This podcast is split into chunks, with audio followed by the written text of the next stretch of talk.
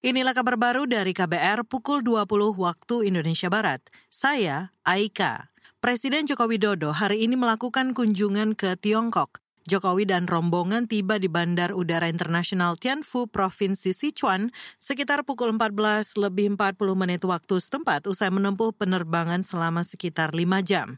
Dalam kunjungan kali ini, Presiden Jokowi dijadwalkan bertemu Presiden Tiongkok Xi Jinping. Pertemuan ini akan menandai 10 tahun kerjasama komprehensif Indonesia dan Tiongkok.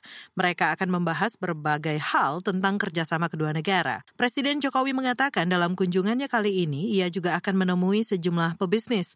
Ia berharap bisa menarik investasi dari pengusaha-pengusaha negeri tirai bambu, termasuk pengusaha yang berkaitan dengan industri mobil listrik. Menurut Jokowi, Republik Rakyat Tiongkok merupakan mitra dagang dan investasi terbesar bagi Indonesia.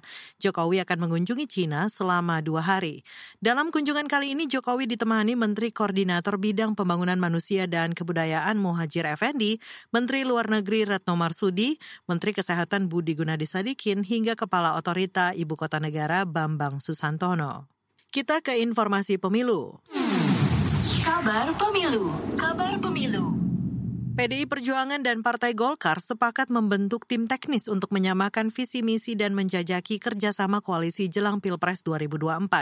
Kesepakatan itu disampaikan Ketua Umum Partai Golkar Erlangga Hartarto usai bertemu Ketua DPP PDIP Puan Maharani hari ini. Tentunya kita akan cair. Kita lihat di tempat ini kan ada P3, kemudian masih ada PAN. Jadi kita akan lihat secara keseluruhan. Kita akan lihat ke depan karena masih banyak hal teknis. Nah itu juga yang dibahas dengan tim teknis nanti.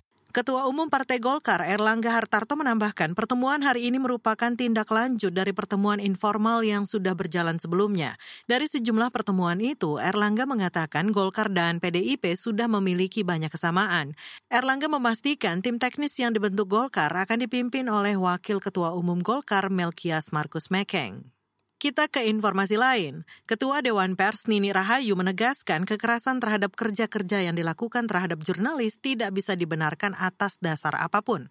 Hal itu disampaikannya usai menerima laporan kasus intimidasi terhadap sejumlah jurnalis yang meliput acara generasi muda Partai Golkar GMPG kemarin tindakan kekerasan kan tidak boleh dilakukan ya atas nama apa pun ya apalagi pada kawan-kawan jurnalis yang sedang menjalankan tugasnya. Sesuai pasal 18 Undang-Undang 40 tidak boleh siapa pun baik individu organisasi apakah aparatur termasuk partai politik atau individu-individu oknum atau siapa pun ya tidak boleh menghalang-halangi kerja jurnalis untuk memperoleh informasi Ketua Dewan Pers Nini Rahayu menyayangkan insiden intimidasi terhadap jurnalis di acara generasi muda Partai Golkar GMPG yang berlangsung kemarin di Jakarta. Nini menyebut upaya menghalang-halangi kerja jurnalistik, khususnya disertai dengan ancaman hingga kekerasan, maka bisa dijerat tindak pidana. Sebelumnya, dua jurnalis televisi swasta diancam dan mendapat kekerasan saat meliput acara diskusi yang digelar GMPG. Lokasi diskusi digeruduk oleh masa tidak dikenal yang hendak membubarkan acara. Inilah kabar baru dari KBR pukul 20 waktu Indonesia Barat. Saya Aika.